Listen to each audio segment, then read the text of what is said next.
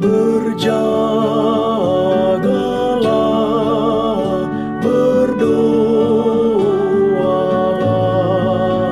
siang malam berjaga dan berdoa. Mari bersama Radio Advent Suara Pengharapan mengikuti pelajaran Alkitab melalui audio Sekolah Sabat. Selanjutnya, kita masuk untuk pelajaran Senin 5 Juni. Judulnya Perjuangan Alam Semesta. Mari kita mulai dengan doa singkat yang didasarkan dari Wahyu 5 ayat 9. Engkau layak menerima gulungan kitab itu dan membuka meterai-meterainya. Amin.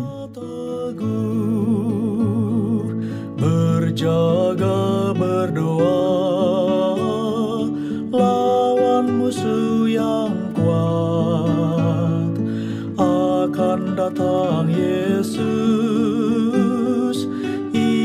Lambat Matius 27 ayat 45 sampai 50 mengajarkan kita tentang apa yang Kristus alami di kayu salib.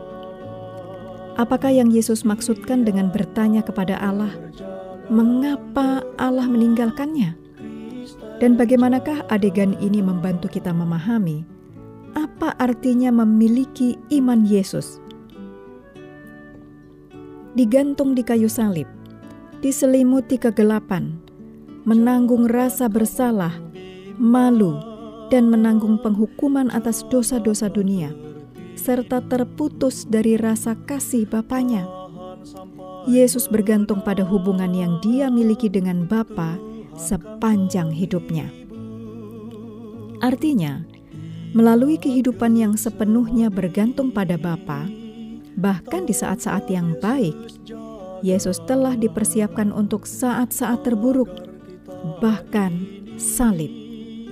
Juru selamat mempercayai, bahkan ketika di sekelilingnya keadaan menuntutnya untuk ragu, bahkan ketika tampaknya Allah telah meninggalkan dia, Yesus tidak menyerah. Berikut ini yang ditulis oleh Ellen G. White dalam Christ Triumphant, halaman 277. Di tengah kegelapan yang mengerikan, yang tampaknya ditinggalkan Allah, Kristus telah memeras ampas terakhir dalam cawan malapetaka manusia. Pada saat-saat yang mengerikan itu, Kristus mengandalkan bukti penerimaan Bapaknya yang sampai sekarang diberikan kepadanya. Oleh iman, Kristus menjadi pemenang. Iman Yesus adalah iman yang begitu dalam, begitu percaya, begitu berkomitmen, sehingga semua setan di alam semesta dan semua cobaan di bumi tidak dapat menggoyahkannya. Ini adalah iman yang percaya ketika tidak dapat melihat, percaya ketika tidak dapat memahami, bertahan ketika hanya ada sedikit untuk berpegangan. Iman Yesus ini sendiri merupakan anugerah yang kita terima dengan iman dan akan membawa kita melewati krisis ke depan. Ini adalah iman Yesus yang tinggal di dalam hati kita, yang memungkinkan kita untuk menyembah Kristus sebagai yang tertinggi dan bertahan dengan tabah ketika tanda binatang dalam kitab Wahyu itu dipaksakan. Namun, itu bukan sesuatu yang tiba-tiba muncul. Umat Allah telah belajar untuk hidup dengan iman hari demi hari sejak sekarang. Di saat senang, di saat buruk, saat Allah terasa dekat, saat Allah tampak jauh, tidak masalah. Orang benar akan hidup oleh iman. Demikian dituliskan dalam Galatia 3 ayat 11, juga Habakuk 2 ayat 4. Waktu untuk persiapan adalah sekarang. Setiap pencobaan sekarang, jika bertahan dalam iman, dapat menghasilkan buah yang berharga dalam hidup kita.